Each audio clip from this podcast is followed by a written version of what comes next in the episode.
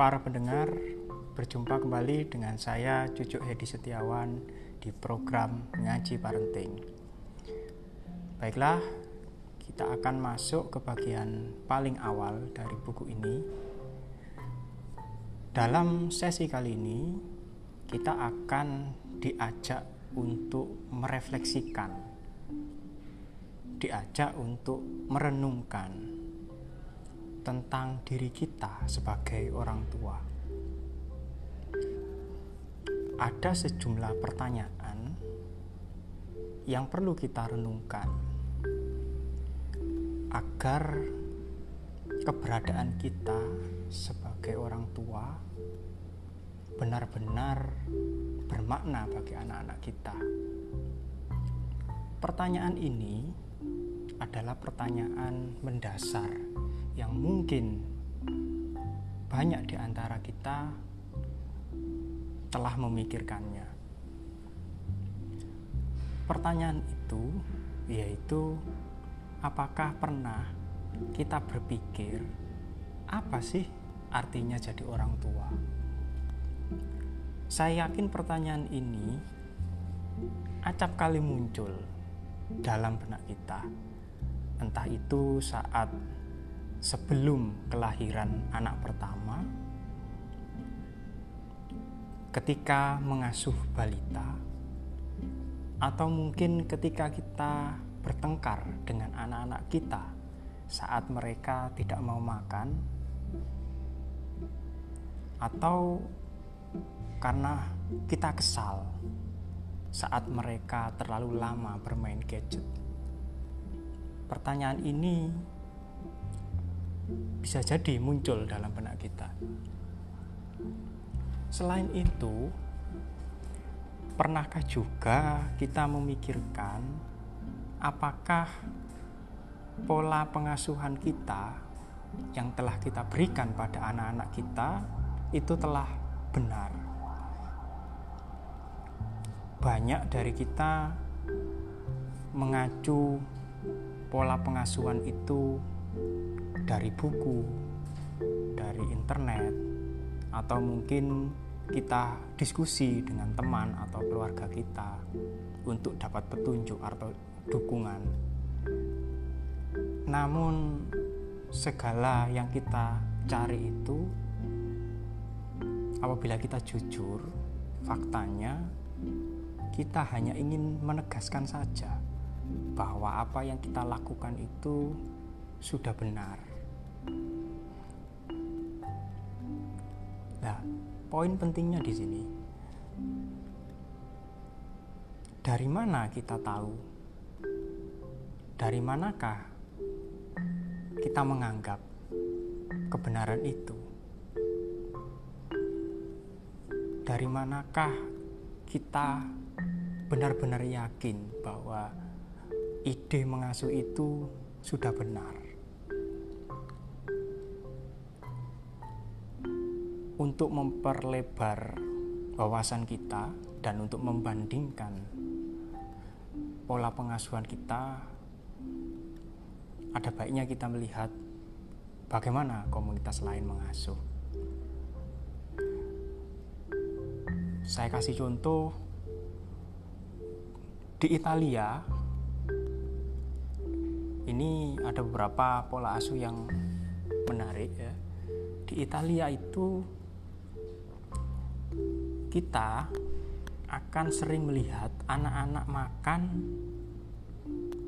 utamanya makan malam ya, pukul 9 malam. Jadi makan malam baru jam 9 malam dan berlarian di restoran hingga tengah malam.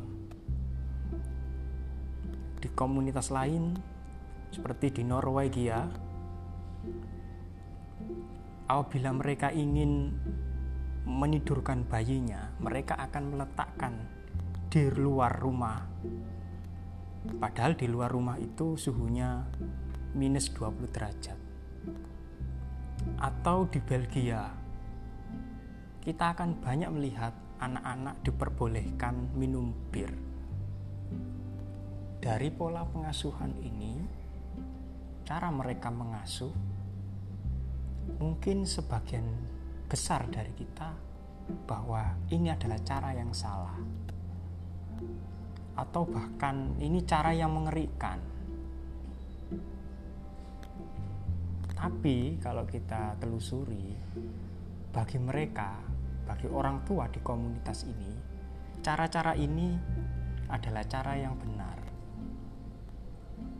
Dari mana standar kebenaran itu? Atau mungkin dalam budaya kita sebagian dari kita yang mungkin saat ini sudah mulai terkikis oleh zaman yaitu kita dulu biasa melihat orang tua itu memberikan bayinya usia 1 sampai 2 bulan itu memberikan makan pisang. Dan ini sudah biasa kita lihat. Dan kita dulu menganggapnya ini adalah sesuatu yang benar. Saya tanyakan kembali, dari mana ide itu dan standar kebenaran itu? Ini yang disebut dengan parental etnoteoris yaitu teori khas tiap kelompok budaya tentang pengasuhan. Jadi tiap kelompok itu punya cara mengasuh sendiri-sendiri dan mereka mengklaim cara pengasuhan itu yang paling benar. Maka dari itu, para pendengar sekalian, sebelum kita beranjak dari edisi ini dan sebelum kita mengkaji strategi metode pengasuhan Denmark, maka langkah baiknya kita menanggalkan sejenak. Kita melepaskan sejenak persepsi lama kita. Kebenaran yang kita anut. Kita tanggalkan sejenak untuk bisa melihat lebih jauh lagi untuk dapat memberikan kita referensi kembali bagaimana cara pengasuhan. Maka dari itu, di bab selanjutnya kita akan melihat fakta di lapangan, fakta yang dialami anak-anak kita pada zaman ini. Mungkin sesi ini cukup. Coba kita renungkan tadi bagaimana apa arti jadi orang tua. Yang kedua, dari mana standar kebenaran itu? Dan yang ketiga, yang paling inti dan paling berat yaitu kita harus melepaskan kacamata kita. Nah, di bab selanjutnya kita akan lihat fakta dan juga harapan saya kita semuanya sudah melepas persepsi kita yang terdahulu menanggalkan sejenak untuk melihat lebih dalam lagi bagaimana model strategi pengasuhan Denmark. Sekian dari saya. Terima kasih. Sampai jumpa.